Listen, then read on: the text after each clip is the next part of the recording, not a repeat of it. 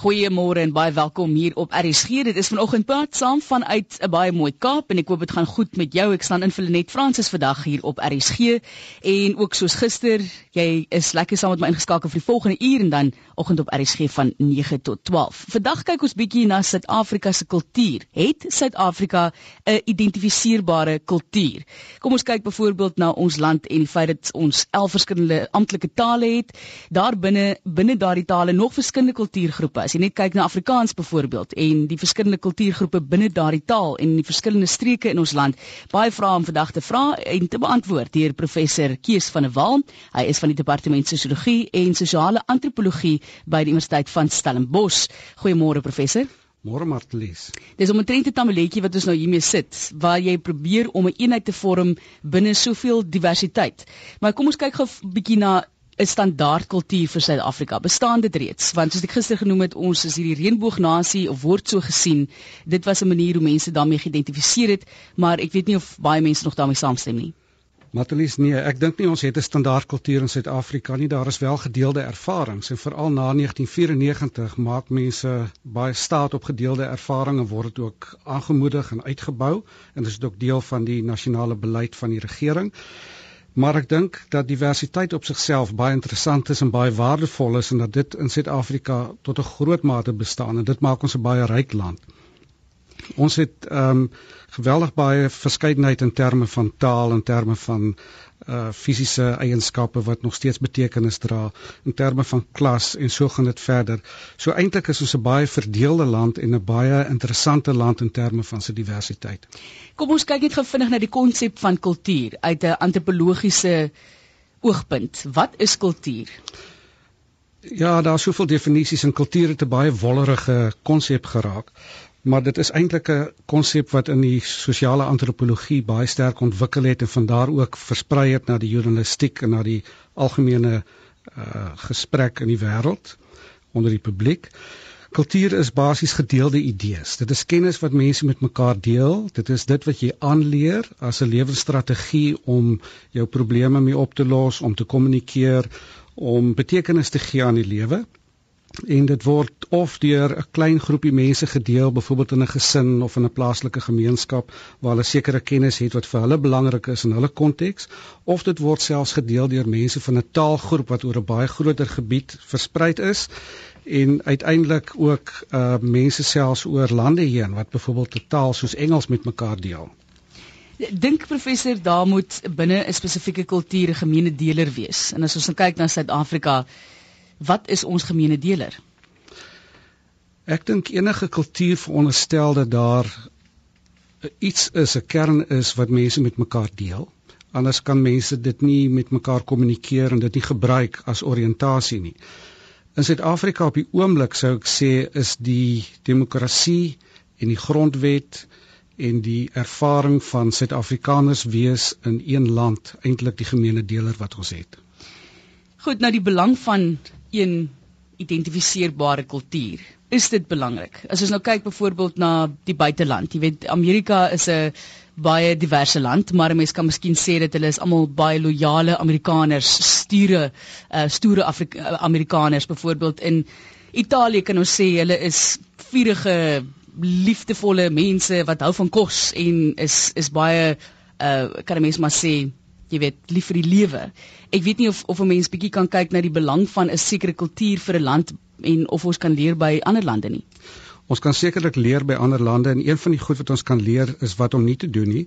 En ek dink dat in Europa het daar 'n sterk nasionalisme ontstaan, 'n gedeelde gevoel wat deur die staat aangewakker is en deur uh politieke entrepreneurs en kulturele entrepreneurs om 'n nasionale eenheid te skep. En dit is natuurlik gebruik in kontekste van kompetisie met ander lande en ook in oorlog en kolonialisme.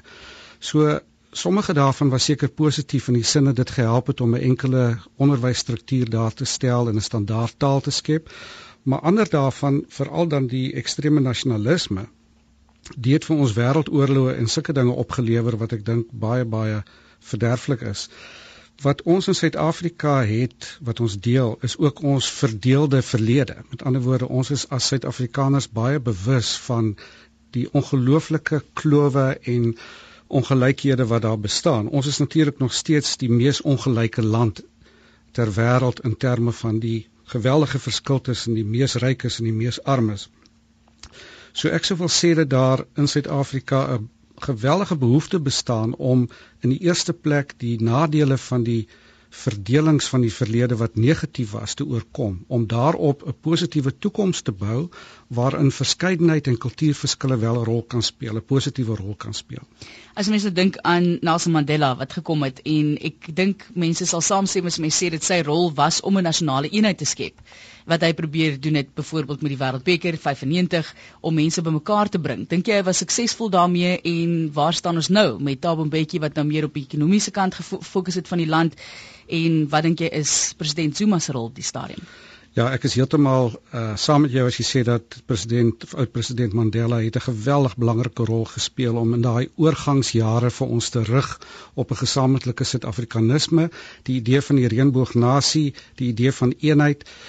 Die klem was wel op daardie stadium nog steeds op verskeidenheid binne eenheid en ek dink dit is nog iets wat op 'n manier problematies is. Uh maar terselfdertyd is daar 'n gevoel ontwikkel dat ons geleidelik tot 'n soort van 'n Suid-Afrikanisme moet kom, nie iets wat afgedwing moet word nie gelukkig. Want ek dink dit kan tot groot probleme lei as die staat soos in Milner se tyd een verengelsingsbeleid vir almal toepas van bo af en dan word mense in 'n hoek gedruk en reageer baie sterk daarop. Maar ek dink in sy tyd van Mandela het ons inderwaarheid as Suid-Afrikaners geleer om die dinge wat ons bind gebaseer op die nuwe Suid-Afrika, die grondwet, menseregte om dit as belangrik te beskou en mekaar op grond daarvan te begin vind. Ek dink onder president Mbeki het daar 'n groter verskywing gekom na Afrika nasionalisme wat in 'n mate vir veral blankes, bruin mense en so miskien laat uitgesluit voel en wat ook 'n bietjie die gedeelde Suid-Afrikaanse projek ondermyn het. Daar is ook uh, in sy tyd deur hom uitgewys dat daar geweldige verskille is. Hy het gepraat van die twee nasies in Suid-Afrika, die blanke ryk en die swart arm nasie waarmee hy miskien dit 'n bietjie oordryf het maar tog ook iets van die werklikheid en die waarheid vasgevat het. Maar ons het in sy tyd reeds begin om die greep op daardie goeie gevoel van eenheid te verloor. Wat natuurlik verwag kon word want die verandering was so groot en die wonderbelewing was so groot, dit kon nie vir altyd hou nie. Dit was 'n soort van 'n witbroodstyd. Ek dink nou met president Zuma is dit duidelik dat dit nie net blankes en bruin mense is wat op 'n manier van weer regstellende aksie en so uh gemarginaliseer voel nie, maar ook baie swart mense. En daar is nou duidelik met Marikana, met die stakings wat plaasvind, met die proteste oor swak dienslewering, is daar soveel blyke van gevoelens onder mense dat hulle nie deel voel van die totaliteit nie en dat hulle eintlik vra dat daar groter gelykheid moet wees in die land en ons kry dit nie reg nie. So ek dink ons projek om 'n Suid-Afrikanisme te vestig met interkulturaliteit wat oop is na mekaar toe is op die oomblik onder bedreiging. So ons beweeg verder weg van wat president Nelson Mandela aanvanklik wou bewerkstellig en ons saam met hom. En ons is natuurlik as land ook internasionaal in die penarie dat ons ook nou duidelik sien dat die ekonomiese krisis ons ook inhaal en dat daar gepraat word van allerlei ekonomiese depressie faktore wat na ons kant toe kom wat natuurlik werkloosheid gaan verhoog en wat die verdeeldheid weer eens gaan beklemtoon. Ek nou 'n uh, hele paar punte daar genoem wat ek voel ons bietjie op moet uitbrei, maar wat jy ook nog genoem het is ons praat baie van swart en wit in hierdie land. En 'n mens dink byvoorbeeld aan die bruin kulture, die Indiër gemeenskap binne hierdie land. Uh, ek dink nie hulle het nog ooit ingesluit gevoel in 'n vorm van 'n kultuur in Suid-Afrika nie. Ek weet nie of mense dit kan sê nie, maar ek dink wat waar is is dat hulle in die verlede nie eintlik toegelaat is nie en dat hulle deesdae gesien word as 'n soort van 'n minderheid wat lastig is. Maar ek wel ek wil wel dit sê dat bruin en indiër mense het eintlik in die soort van nisse, die die maatskaplike nisse wat hulle bekleed het, het hulle self baie goed gevestig en 'n oop benadering na buite toe gehad. Hulle was dikwels soos Indiërs handelaars gewees wat oop was ehm um, vir mense met wie hulle omgegaan het. En ek dink ook onder brein mense vind 'n mens daai kulturele oopheid wat ons by ander groepe minder vind. As ek nou dink aan wit Afrikaans sprekers of Zulu sprekers, dan is daar 'n groter etniese bewussyn. By Brein Afrikaans sprekers is dit baie minder en daai oopheid is 'n gewellige belangrike bron vir verdere opbou van 'n Suid-Afrikaanse identiteit. Dit beteken onder andere dat daar 'n oopheid is vir beide Afrikaans en Engels wanneer mense Kaaps praat op die Kaapse vlakte. Mense doen maklik code switching. Mense sal uh oop staan vir voorouers wat wit is, wat bruin is, wat slawe was, wat koi was, wat swart is. Dis daar's nie baie sê maar hang-ups wat wat dit betref nie. En ek dink dit is op 'n manier ook 'n bron vir vir ander mense in die land. Ons praat van 'n kreoolse identiteit ja. en dat die hele kultuurstrategie van kreolisering 'n waardevolle een is. Jy luister na praat saam, ons kyk na kultuur in Suid-Afrika. Het ons een kultuur en daar is uh, mense op die lyn wat wil saamgesels vanoggend. Felicia is van die Weskus. Goeiemôre. Goeiemôre, Martlies. Ehm um, die gesprek vandag is baie kern vir die hele gemeenskap. Kom ons beweeg as 'n gemeenskap. Daar is soveel dinge wat ons bind en ons kan almal, ek praat nou algemeen Afrikaans goed praat. Moenie die mense is geneig om uh gesang oor Afrikaans te doen Ehm um, daar's so baie ander tale en ons kan dit gerus ook aanleer. So Spaans is baie maklik om te leer. En ehm um, wie weet, miskien gaan baie van die Spanjaarde na ons land toe kom en ehm um, hopelik by ons belê. En dan is daar die swart tale wat ook baie belangrik is en ek sal sê ehm um, vir die toekoms nog meer belangrik as wat enige ander taal in die hele wêreld is want is dit nie so dat ehm um, Afrika en die swart persoon ehm um, die toekoms is vir die hele wêreld want ehm um, kyk wat gebeur nou in Nigeria met ehm um, uh Tiger Foods wat nou ingekoop het in een van hulle maatskappye en uh Walmart wat na ons toe gekom het. Want daar's nie beweging in Engeland. So vergeet daai kwessie kom ons uh word 'n gemeenskap. Ons bind onsself. Dit maak nie saak watter geloof jy is. Solank jy net liefde het almal die een van mekaar is die groot beweging en die groot dinamika agter alles. Ek sien julle almal. Baie dankie. Mooi bly verlies. 'n lekker dag in die Weskus. Dr Pieter Mulder ook op die lyn vanoggend. Goeiemôre. Goeiemôre Marlies Maar dit is 'n baie belangrike onderwerp wat uh, ons eintlik aan een kant verskriklik ingewikkeld maak. Ek dink is nie so ingewikkeld nie, maar aan die ander kant kan mens dit oorvleudig ook. Kom ek gee vir 'n voorbeeld. Ek kry 'n buitelandse gas van Amerika wat die oggend land en toe by my kom vra hy my of ek kan Suid-Afrikaans praat. Toe ek sê nee, ek kan nie Afrikaans praat nie, toe vra hy hoeveel mense in Suid-Afrika praat Suid-Afrikaans. Toe sê ek vir hom niemand nie. En toe sit hy teleurgesteld dat alle Franse praat Frans. Die punt wat ek probeer maak is dis 'n werklikheid en ek dink die professor is reg, ek stem met hom saam. Dis eintlik 'n fantastiese moontlikheid al die verskille wat ons hier so het. Wat wel 'n probleem is vir my, is dat mense dink jy kan dit forceer na 'n eie soort van oorkoepelende identiteit. Dis 'n vrywillige ding. Jy kan mense forceer om belasting te betaal. Maar jy kan nie sê kop forceer om vrywillig uiteindelik te sê ek is deel hiervan of nie deel van nie. Maar dit kan gedoen word. Die feit is net ons moet akkommodeer en kom ons bestuur die verskeidenheid en ek dink die regering veral ontken te veel kere. Hy maak asof dit nie bestaan nie. Uh en kom ek neem 'n voorbeeld. As daar name is wat aanstoot gee. Daar is sulke name in Suid-Afrika. Dan stem ons almal saam, kom ons verander dit en ons skuif dit weg. Maar as jy nou in Pretoria ry waar gister gery dan is dit steek in die hart. As ek sien hoe die rooi strepe getrek word deur name soos Louis Botha wat help was vir die Afrikaners en wat niemand aanstoot gegee het na geen kant toe nie en nou 'n nuwe naam kry wat niemand ken van daai omgewing nie. En die soort van ding praat ek dan van akkommodering uiteindelik. Kom ons gee name. ANC leiers wil graag ook erkenning gee. Daar's meer as genoeg ruimte om dit te kan doen. Maar kom ons akkommodeer ook die ander uiteindelik.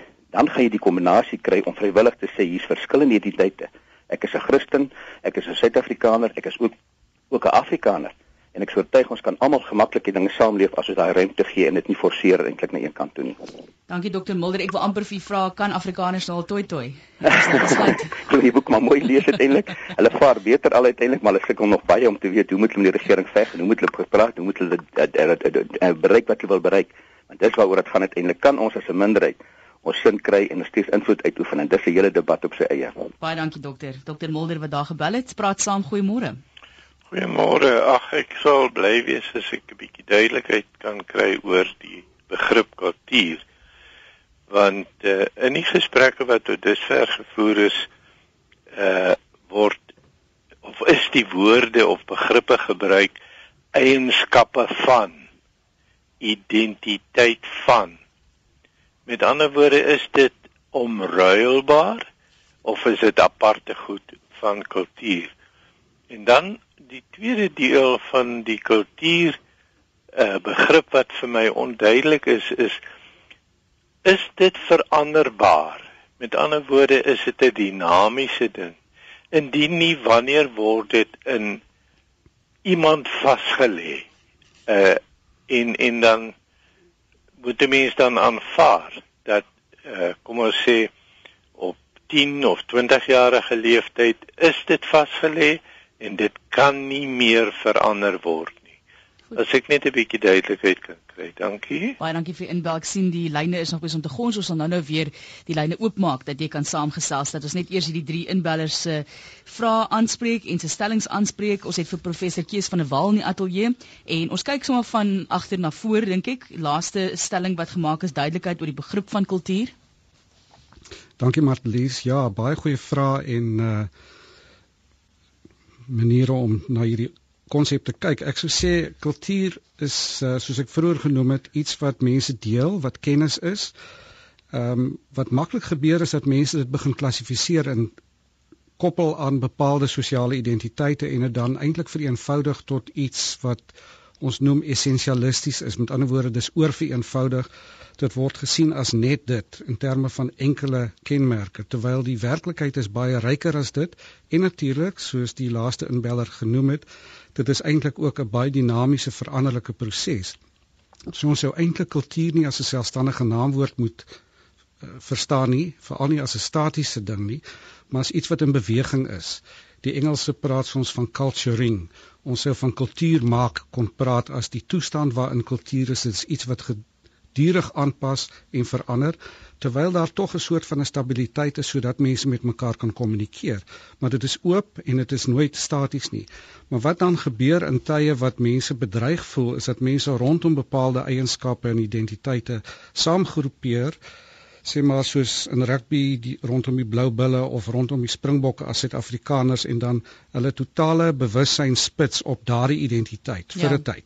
Dis ons gister bespreek het ook in die politiek van vrees. Ja. Oomblik as mense vrees, dan trek hulle weer terug Dis na hulle wat hulle ken. En dit is situasioneel. Met ander woorde, dit is net vir 'n bepaalde tyd, bepaalde omstandighede. Soos in oorlogstyd, dan sal mense sterf vir 'n bepaalde identiteit en 'n nasionalisme. So ons moenie essensialisties na kultuur kyk nie, maar kultuur is 'n oop stelsel sien. En ek dink dit spreek die vraag aan van die van die derde uh luisteraar. Ehm um, wat betref uh Dr Pieter Mulder wil ek net sê ja, ek stem saam dat uh oorbeklemtoning van Suid-Afrikanisme en die afdwing daarvan deur die staat sou baie negatief wees. Ek dink nie dit gebeur op die stadium in Suid-Afrika nie. En ek dink wat nodig is is dat daar 'n balans moet wees tussen aan die een kant 'n uh, identiteitsgevoel wat mense spontaan het en waarvoor hulle vryheid nodig het soos wat ons grondwet ook erken rondom taal, religie ensovoorts meer. En aan die ander kant 'n uh, oop wees na buite en soek na dit wat gesamentlik beleef word en wat dan ook 'n nasionalisme vir die land as geheel tot gevolg kan hê as die eie identiteit in 'n bepaalde provinsie of groep rondom taal of ras of wat ook al oorbeklemtoon word, dan word die grense gesluit en dit kan baie gevaarlik en negatief word. Uh, dit is hoe ons in die verlede geleef het in apartheid onder kolonialisme, toe hierdie verskille gevestig is in die land en ons is nou in 'n fase waarin ons ontdek om met mekaar saam te leef op 'n meer oop grondslag. En dan die eerste vraag wat gevra is deur Felicia rondom die tale en haar opmerkings daaroor. Ek stem met haar saam dat as 'n mens so 'n oper benadering ten opsigte van kultuur wil hê en dat 'n mens uitreik na mekaar, dan moet jy moeite doen om die ander persoon te leer ken. Met ander woorde, wat is die ervarings van ander mense? Hoe dink mense? Wat is hulle gevoelens? Uh en dat jy kommunikeer en daarvoor het jy natuurlik taal nodig. En dit beteken ook as jy dan werklik waarde heg aan oop wees en interaksie met mekaar te hê, interkulturaliteit te bevorder dat jy ook moeite gaan doen vir tale. En in ons Suid-Afrikaanse geval is daar veral 'n geweldige behoefte daaraan om die sogenaamde swart Afrika tale te leer ken. Ek ag myself gelukkig dat ek 'n redelike mate van Shangaan of Tsonga kan praat, maar hier in die Kaap waar ek nou woon is dit natuurlik nou nie so van, van toepassing ja, nie. Ek sien ja. daarom uit na volgende jaar wat ek weer 'n bietjie veldwerk in die uh Mpumalanga, Limpopo provinsie gaan doen. En ek wil net verwys na Eduard Glissant, 'n Kreolis wat in die Karibiese eilande geleef het as filosoof en skrywer en vir ons eintlik 'n kultuurstrategie voorgehou het van wat hy noem relation in Frans of creolité uh, wat daaroor gaan het ons verhoudings stig met ander mense en dat ons nie die klem plaas in die eerste plek op waar ons vandaan kom of 'n spesifieke wortel afkoms het nie maar eerder 'n oop interaksie soos 'n wortelstelsel waar daar verskillende afdelings is wat aan mekaar kan raak en wat hmm. vir ons dit moontlik maak om as mense uiteindelik ook gesamentlike menslikheid te ontdek. Vertakkings, nee. Praat saam, goeiemôre, met wie praat ek? Uh, môre, Martelisie praat met Albert Noordnagel van Mosselbaai. Jou punt vanoggend, Albert? Uh, ek wil net sê, uh, boeoor kultuur wat 'n baie wye begrip is. Dis eintlik die som totaal van alles wat die mens dink, wat hy doen, wat hy tot stand bring, wat hy uitleef as jy dit so breedweg kan definieer. Hoe word dit alles staan die woord geskryf verandering. In elke land van die wêreld en ook in Suid-Afrika veran alle verander alles op die godsdienstterrein, op die ekonomiese terrein, op die taalterrein, op alles. Nêrens in die wêreld kry jy meer 'n land wat net een ding alleen is. Ek het nou lank in Nederland gewoon. En die verskeidenheid in Nederland is ontsaglik groot. Mens praat van 'n Nederlander, maar dit is nie so simpel nie. Nou wil ek net 'n volgende punt maak. Kom ons kyk na Afrikaner. Die WAT het 'n fantastiese definisie van die Afrikaner van vandag. Hy sê drie punt, ek sal vinnig wees. Nommer 1. Afrikaner en dan sê hy agter dit rassisties en verouderend. Met ander woorde, 'n wit Afrikaner is rassisties en verouderend. Tweedens sê hy Afrikaner is 'n Afrikaans sprekende. Derdens sê wat Afrikaner en dis die oorsprong van die woord iemand wat in Afrika gebore word. Ek sluit af om te sê kultuur is 'n veranderende begrip en ons moet net saam met die verandering gaan en ons moet nie so konsentreer op die magselement van 'n regering nie want die mense in Suid-Afrika wat die groter kultuur beleef, beoefen en uitbrei, is magtiger as 'n regering wat goed op hulle af wil druk en ons moet mekaar leer en mekaar se kultuur en tale en goed respekteer en verstaan. Dankie Martelies. Baie dankie Albert Notnagel wat so gesels praat saam. Goeiemôre. Goeiemôre Martelies. Dis jy ben die vos van Port Elizabeth. Dit lyk my al jou inbellers, ou inbellers is vanmôre op die lyn. Weet jy, uh, gewoonte môre professor. Goeiemôre gewoontes en gebruike word eenvoudig net aanvaar as kultuur. Enige gewoonte of 'n gebruik wat aanstoot gee aan ander volgens my as kultuur kan nie aanvaar word nie. Uh basies is dit so dat die onaanvaarbaarheid van die breë gemeenskap om nie 'n uh, 'n uh, uh, gebruik of 'n gewoonte te aanvaar nie. Is reg. Kultuur vir my is 'n ryke erfenis van kernwaardes wat uitgeleef word. Kulture word nie aangeleer na die tyd nie. En ek kan slegs die kultuur van ander groepe aanvaar waar geweld teen diere en mense nie uitgevoer word nie.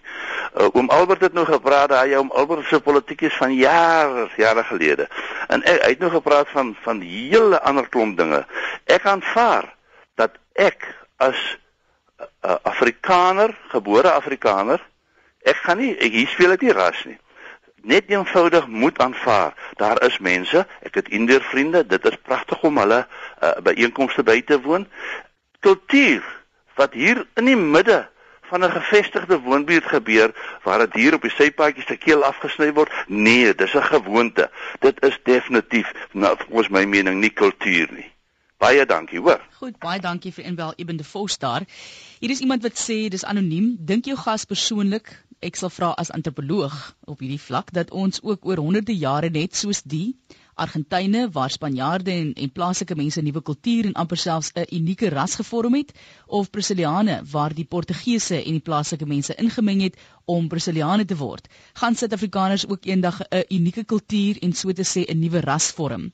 So daar's nou drie punte wat ons nou gaan bespreek en dan wil ek hê professor 'n bietjie begin dink aan die Bybel. Want daar's baie mense wat besig is om daardie invalshoek te gebruik en sê dat daar nasies en volke gestel is deur God self en dat dit eerbiedig moet word. En hoe ver terug ons eintlik daardie konsep moet vat ehm um, selfs voor die Bybel en ehm um, voordat daardie grense dan volgens hierdie persoon gestel is. Maar kom ons kyk eerstens dan na Albert Notnagel se stelling daar die definiering van die Afrikaner byvoorbeeld as kultuur.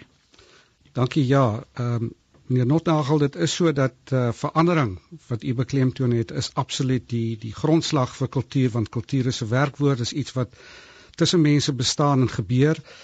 En toe het hy aanbeweeg om te praat oor die groot verskeidenheid en uh, oor Afrikaner as term.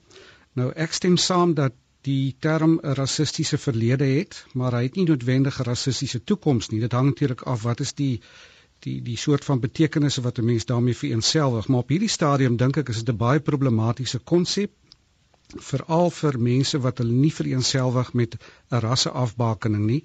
Mense voel uitgesluit as gevolg daarvan. Uh byvoorbeeld breinmense wat ook Afrikaans praat, uh wat die meerderheid is van die Afrikaanssprekers, die die hou nie van die begrip nie en ek dink dat baie mense wat voorheen as Afrikaners uh, beskou is, hulle self ook gedistansieer het van hierdie begrip tot die mate wat dit nog 'n ondertoon van van wit wees met hom saamdra. So dit is ook tipies van kultuur dat begrippe gedebatteer word. En dan as ons nou kyk na Eben de Vos se stelling en ek dink daar's nog mense wat ook hierso geskryf het op die internet dat hulle sê ons moet minder staat maak byvoorbeeld op 'n staat om vir ons bymekaar te bring. En ehm um, iemand wat byvoorbeeld hierso ook sê ons is almal mense, kom ons aanvaar mekaar so opreiende politici soos ons ou liewe vriend. Ek gaan nie sy naam noem vandag nie, as dit al klaar oor hom gepraat. Ehm um, as dit is hulle wat weer mure tussen mense kom oprig en Kobus Du Plessis wat sê is dit nie patriotisme wat ons almal saambind nie. Is die belang van 'n straat, woonbuurt en dorp in 'n munisipale streek nie die gom wat ons vashou om ons lewensomstandighede te verbeter deur samewerking nie. Ja, ek dink hier is 'n klomp uh, waarhede gesê, maar ek wil ook 'n paar ehm um, gevaarlikies hier laat flikker. Uh ten opsigte van gewoontes en gebruike wat aanstoot gee. Ek dink as 'n mens daaroor begin praat, dan is jy op die terrein van wat ons nou noem etnosentrisme waar jy begin dink vanuit jou eie waardes en ander beoordeel. Ons gebruik in die kulturele en sosiale antropologie die gedagte van kulturele relativisme om daarmee vir ons te help om gebruike en leefwyse van ander mense uh tot 'n mate te verstaan, ten minste oop te staan ten opsigte van wat hulle beteken. Neem so iets omstrede soos vroulike besnydenis. Dit is vir baie mense 'n groot kopseer en 'n groot menseregte oortreding. Maar as jy in staat is om te sien wat dit vir vrouens beteken en hoe dit in daardie gemeenskappe 'n geweldig belangrike sosiale betekenis dra, ook vir die meisies wat aan hierdie daad onderwerp word, dan moet 'n mens tog uh, 'n uh, bietjie meer genuanceerd daarna kyk. Ek is ook glad nie ten gunste daarvan nie, maar ek dink nie 'n mens kan dit sonder meer net veroordeel en en na die buitenste duisternis verban nie. 'n Mens moet probeer begrip opbring vir waarom mense sekere goed doen. Ehm um, daar is natuurlik etiese grense, daar's menseregte en dit is waar hierdie dinge baie omstrede raak. Uh maar dit beteken ook dat wat nodig is dat ons met mekaar in gesprek tree en dat 'n mens die etiese waardes wat mense met mekaar deel rondom die respek vir die liggaam, die respek vir lewe uh om om 'n redelike goeie bestaan te kan voer dat 'n mens dit kans gee om te kan uitgroei en daar het die staat natuurlik 'n rol om te speel. So ek sou sê dat in Suid-Afrika moet die staat veral die ruimte skep vir mense om hulle self as waardige burgers te kan vestig en te kan uitleef met mekaar in interaksie te kan wees. En dit gaan lei tot 'n patriotisme. Gedeelde moontlikhede gedeelde bronne eh, gedeelde ervarings dit gaan daartoe lei dat mense 'n patriotisme kry. Daarvoor hoef jy nie 'n oorlog te veg nie. Ja. Uh, Iemand sê ook nou hierso byvoorbeeld baie ernstig braai is die enigste gemeenskaplike kultuur. Dis nou Ben wat so sê natuurlik na 'n braaidag. Iemand wat ook en ek dink hierdie is nogal 'n belangrike punt wat ons moet aanspreek, Johan van Pretoria wat sê indien die reënboog behou moet word, moet die onderskeie tale en kulture boue bly. 'n Vermenging van tale en kulture vernietig die reënboog. So interessante punt wat daar gemaak word dat om daardie identiteit van kultuur en tale te behou, moet 'n mens dan seker ook daardie kulture en tale behou. Dan sê Jannie ook, ek dink die probleem lê daarin dat ons na politiek kyk om ons te verenig. 'n Baie goeie voorbeeld van waar politiek uitgelaat word en 'n ware eenheidsgemeenskap gevorm word met ras, taal en seksualiteitsverskille is Stellenbosch Universiteit waar u dan nou ook werksaam is. Dis sê my broer is 'n wit Afrikaan man. Hy studeer nog steeds en saam met hom in die huis woon twee wit Engelse meisies, 'n bruin meisie, 'n swart man, 'n Engelse wit man ensovoorts. Hulle woon goed saam, bespreek kwessies sonder politieke kwessies. Verder bestaan hulle vriendekring uit wit, swart, bruin, Engels en Afrikaans en dan ook nou homoseksuele persone en heteroseksuele mense. Dit alles word gekweek deur die universiteit wat eenheid deur diversiteit bou sonder politieke inmenging. Die studenteraad is een van min in ons land wat nie politiek is nie, of polities is dan nou seker nie, maar as individue gekies word.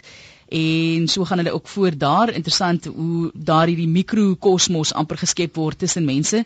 Rika sê terwyl daar 'n verdrukking van sekere rasse is, kan daar nooit 'n eenheid wees nie. Dit het nie gewerk tydens apartheid nie en sal beslis ook nie nou werk nie. Verskillende rasse kom met mekaar oor die weg, maar terwyl die regering sekere rasse uitsluit van werk ensovoorts, sal daar ongelukkigheid en wrywing wees. As Suid-Afrika se beleid almal regverdiglik insluit, sal die een van die wonderlikste lande wees en sal ons mekaar se kulture aanvaar. Baie dankie vir daardie eposse wat ook deurgekom het. So baie interessante standpunte. Maar ja, so baie om te bespreek dink ek daar. So ek ek kry die gevoel dat op grondvlak is daar mense wat besig is om hulle eie vorm van kultuur te skep in Suid-Afrika. Absoluut Martelies. Ek wil op 'n paar van hierdie uh, opmerkings ingaan. Die eerste ene van anoniem oor die kwessie van sal ons oor honderde jare 'n soort van 'n koffiekleurige mengbevolking wees met waarskynlik meer geïntegreerde kultuurforme. Ek dink op die lange duur is dit baie goed moontlik. Dit hang af van historiese omstandighede. Dit is moontlik dat mense hulle self vir baie jare en dekades en generasies eenkant hou en hulle eie identiteit probeer afskerm dat hulle nie oop na buite toe is nie. Maar as daar 'n natuurlike proses van uh saamleef in Suid-Afrika kan plaasvind soos wat ons op die oomblik na streef en op die oomblik beleef, dan gaan daar op die dier vermenging plaasvind en 'n groter eenheid tot stand kom wat 'n baie interessante vermenging kan wees en wat nie noodwendig net 'n enkele eenheid is nie, maar verskillende forme van vermenging op verskillende vlakke, soos wat mense ook in Argentinië en in Brasilië sien dat is uh, duidelik verskillende tale, inheemse tale ook daar en verskillende uh, tradisies wat daar vasgestel word. Ek dink die ander opmerking wat gemaak is dat vermenging eintlik 'n probleem is, is iets wat onder baie van ons mense leef dat hulle nog in terme van uh ou evolutionistiese idees voel dat spesies moet heeltemal op hulle eie bly en dan dra hulle dit oor na kultuur en taal en voel dat vermenging ook 'n probleem en 'n gevaar is en daar's 'n klem op suiwerheid. Dit is natuurlik eties problematies in terme van die die soeke na rassuiwerheid soos wat ons gehad het in die derde ryk. Maar ek dink die idee dat vermenging 'n gevaar is of 'n probleem is of dat dit nie goed is nie, uh, moet ons ondersoek. En ek dink die die die probleem daarmee is dat uh dit word gewoon geassosieer met die negatiewe. Uh daar word uitgegaan dat 'n mens 'n uh, absolute uh skoon afgebakende begrensde eenheid het en dit sou dan byvoorbeeld 'n volk wees of 'n ras wees of 'n taal wees. En as ons gaan kyk in die sosiale realiteit dan leef mense nie so nie. Taal is 'n oop stelsel. Ehm um, daar was nooit afgebakende rasse nie. Uh, daar was altyd interaksie tussen mense en wat ons eerder kry is graderings en verskillende vlakke en soms 'n mate van konsentrasie van eienskappe, maar daar is nie absolute afgebakende menslike eenhede of menslike produkte nie. Ek dink in Suid-Afrika ervaar ons deesdae op sommige plekke soos Stellenbosch Universiteit en op ander plekke veral in hoër onderwys, maar ook in die uh sekondêre onderwys dat daar 'n groter mate van ervaring van Suid-Afrikanisme plaasvind onder jonger geslag en ek is baie bly om deel te wees daarvan. En dit is iets wat uh, minder voorkom in ander dele van die land of in ons algemene ervaring omdat ons nog so geskei lewe in ons woonbuurte. So daar is in 'n groot mate 'n voortsetting van klasseverskille wat uiting kry in afsonderlike woonbuurte en gebruike wat daarmee saamgaan. Byvoorbeeld in die swart woonbuurte 'n sterk sosiale gerigtheid, in die blanke woonbuurte 'n baie sterk uh fokus op sekuriteit en individualiteit. En ek dink wat verrykend is is om dan plekke te hê soos die Stellenbosch kampus, maar soos ons onlangs gehoor het die Stellenbosch Universiteitskoor wat dan daarin slaag om oor grense heen musiek na vore te bring uit die Afrika tale en ons adjunkt president so te beïndruk Galema Motlanthe het dat hy daaroor spesifieke opmerkings maak oor hoe dit vir hom getref het en hoe dat dit 'n voorbeeld is dat mense in Suid-Afrika tog oor grense kan uitreik en 'n gesamentlike Suid-Afrikanisme kan uh, ontwikkel. Hier is terugvoer wat deurgekom het iemand wat sê ons moet almal individue bly as ek net weer by hom kan kan uitkom. Voordat ons daarby kom, iemand sê kan so 'n klomp rasse vir 'n aansienlike tyd volhoubaar bly saamleef. Dit wil vir my voorkom dat geskiedenis ons al menige kere geleer het dat kulture rondbeweeg, maar op die ou einde maar weer terug na oorsprong keer. Afrika bly Afrika, Europa bly Europa en die Ooste bly die Ooste. Dit is net 'n vraag daar, soos wat die persoon dit ook stel. En iemand wat ehm um, hier gepraat het van individualisme, as Suid-Afrikaners 'n kultuur van individualisme wil nastreef, dink ek is ons op 'n wenpad. In plaas van een of ander massa ervaring na te jag, kom ons vier elkeen ons eie skakering van die reënboog. Kom ons bly individue wat nie opgevang wil word in die naamlose massa nie. En dan gaan ons lyne toe en dan wil ek ook daardie uh aanhalings uit die Bybel ook aanspreek wat hier vir ons gestuur is. Praat saam, goeiemôre, praat saam, goeiemôre. Hallo. Hallo, met wie praat ek? Hallo, uh ek praat nou met anoniem. Goed, die radio is af daar vir my, nee asseblief. Dankie. Jou punt vanoggend? Hallo. Hallo, wat is jou punt vanoggend? Hallo, wat is jou punt? Nee, skat, jy moet jou radio afsit. Hoor, praat saam, goeiemôre. Môre. Môre met wie praat ek? My naam is Sebastian. Goed Sebastian, jou punt vanoggend? Ek wil net 'n punt maak dat uh, die dominerende uh kultuur in die wêreld is natuurlik die kultuur van Amerika. Wat sê u professor daar daaraan? Sê gou weer die watse kultuur Sebastian? Die Coke kultuur van Amerika. Goed. Coca-Cola. Het jy nog vrae vir hom professor of wil u daarop antwoord? Ek kan daarop antwoord. Sebastian Luister vir ons by die radio Sebastian, hoor. Goed, baie dankie. Dankie, goed. Professor? Sebastian, ja, die dominerende kultuur is definitief die wêreldverbruikerskultuur wat natuurlik in die FSA baie sterk staan en oor die wêreld heen versprei. En ons het almal op 'n manier las daarvan want ons het nie genoeg geld om daarbey uit te kom nie. Maar ek kan jou daarom gerusstel in die sin dat ek glo nie dat die uh uitbreidende globaliserende Engelssprekende uh industriële lewenswyse vir almal op dieselfde manier gaan domineer nie. Uh dis baie duidelik dat wanneer sulke nuwe gebruike en behoefte aan uh verbruikselemente in lande aankom, dan word dit deur mense in hulle eie omstandighede met hulle agtergrond word dit geïnkorporeer in iets nuuts. So uh vir 'n tyd lyk dit miskien asof daardie dominerende kultuur alles voor hom gaan uitwis, maar in feite is mense baie kreatief en neem hulle nuwe elemente op en voeg dit in in wat hulle self aan waarde heg en wat 'n uh, plaaslike karakter het. Praat saam, goeiemôre. Môre. Met wie praat ek en wat is jou punt vandag? Ek ek, ek wil anoniem bly. Ek wil graag net uh, want die Bybel is nou 'n paar keer uitgehaal. Ek, ek wil net hierdie vraag vra.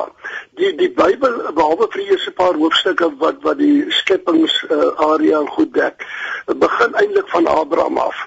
Hoekom het Abraham sy dienskneg in eet laat neem dat hy onder sy eie mense vir sy seun Isak 'n vrou sou gaan soek. Hoekom het, het Isak toe Rebekka ontmoet het en twee seuns gehad het, is so omdat hy twee vrouens gehad het, gehad het van etitiese oorsprong, uh, wat een van die sewe nasies is wat God voor Abraham uitgedryf het, is hy verwerp. Gaan kyk die verwerping moet God hom verwerp in Maleagi 1. Jakob het weer eers onder sy eie mense vir hom 'n vrou gaan soek en ons ken die storie. Daar's nie wanopvatting vandag dat die Jode in die Midde-Ooste is Israel. Hulle is nie Israel nie, hulle is die afstammelinge van Juda. Dis die stam waaruit Jesus Christus gebore is. Dis hoekom die Bybel hom verwys as die leeu van Juda.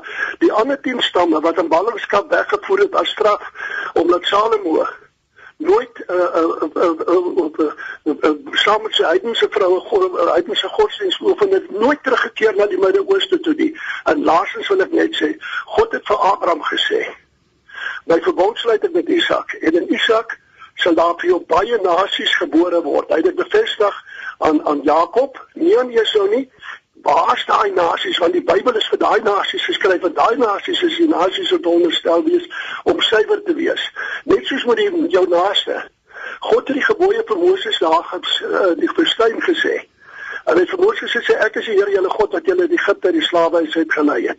Hy nooit daai verbod verander en sê maar die sewe wêreldse nasies wat ek voor Abraham uitverdryf het in Egipte en die ander nasies wat reeds bestaan het, hy daai verbond in die in die 10 gebooie met die afstammelinge van Abraham, Isak en Jakob en Moses daar in die woestyn.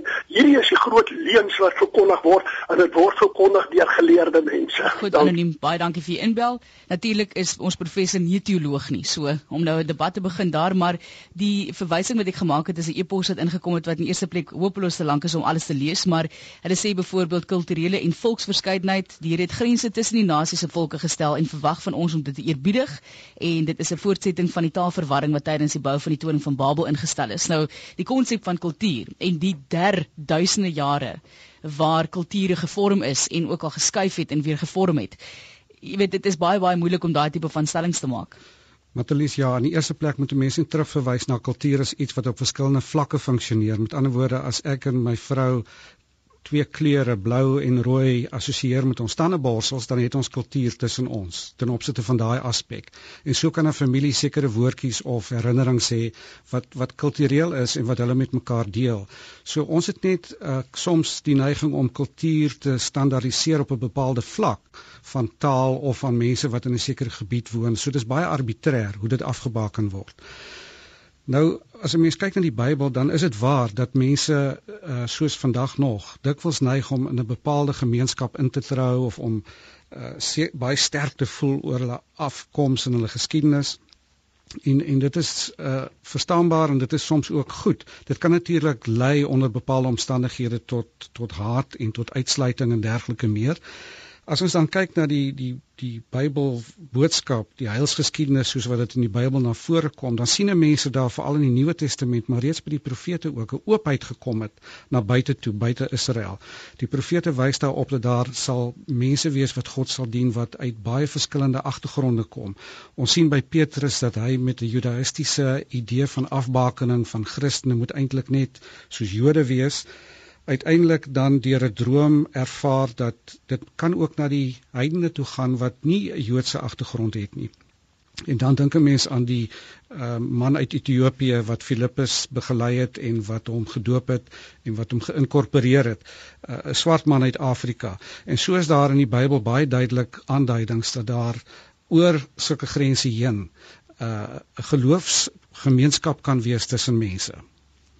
Jy's ingeskakel praat saam en ons het nog net 2 minute oor professor van u kant af. Wat is die oplossings vir Suid-Afrika? Moet ons liewer fokus op ons kultuurgroepe, dit behou? Moet ons individualisme individualisme skep of moet ons 'n geïntegreerde kultuur skep? Wat is u siening daarvan? Ek dink ons moet die normale prosesse hulle gang laat gaan en minder uh daaraan sleutel sosiale ingenieurswese werk gewoonlik nie goed nie. So mense moet self oplossings vind die staat moet die openheid skep vir mense om binne daardie grense wat hy stel mekaar te kan vind en saam te kan leef. Om dit te kan bereik dink ek is dialoog nodig tussen mense. Daarom moet hulle mekaar se tale en agtergronde beter leer ken en mense het dit nodig om gemaklik te voel met mekaar deur mekaar te ervaar. Daar moet ruimtes wees waar mense mekaar kan ervaar en gemaklik kan voel en dan gesamentlik vorentoe kan kyk. So daar's kennis en waardering vir mekaar nodig nie net op die vlak van verdraagsaamheid nie, maar ook werklike omgee vir mekaar en dat daar 'n soort van 'n postnasionale benadering gevestig word waar deur 'n mens wegbeweeg van etikette, stereotypes en groepkonsepte wat verdeling veroorsaak, soos byvoorbeeld die rassekategorieë blank, swart ensovoorts wat nog steeds in Suid-Afrika 'n rol speel en wat verdeling veroorsaak. Suid-Afrika behoort aan alle mense en die menslikheid van almal in Suid-Afrika oor hierdie grense heen kan beleef en gevier word. Ek dink dit is nodig dat as ons oor kultuur en identiteit praat, dat ons dit sien as 'n uh, konsepte wat vloeibaar is en wat dinamies is Ek dink is nodig dat ons krities dink oor aansprake wat mense maak oor hulle self in terme van absolute identiteit en aansprake oor grond of klas en dergelike meer en ook die uitsprake wat ons maak oor ander mense, die oordeele wat ons vel oor gebruike wat ons nie van hou nie of stereotypes wat daarmee saamgaan. Ons het geleentheid nodig om mekaar te leer ken En dan dink ek baie baie belangrik is dat ons 'n sterk etiese fundament nodig van menseregte, van demokrasie en veral op die oomblik in Suid-Afrika die behoefte en die noodsaak aan ekonomiese geregtigheid wat daar gestel moet word. Want ons is deur klas en deur armoede en die geweldige diskrepans tussen die ryk en die armes is ons eintlik op 'n baie gevaarlike pad waar deur die verskille beklemtoon word en waardeur ons nie gesamentlike kulturele strategieë kan ontwikkel nie waardeur ons minder begrip vir mekaar het nie weet waar ons vandaan kom nie en dan is daar die potensiaal vir botsings. Ek sê baie dankie. Dit is professor Kees van der Walt. Hy is professor by die departement sosiologie en sosiale antropologie aan die Universiteit van Stellenbosch. Baie dankie vir die gesprek vanoggend professor.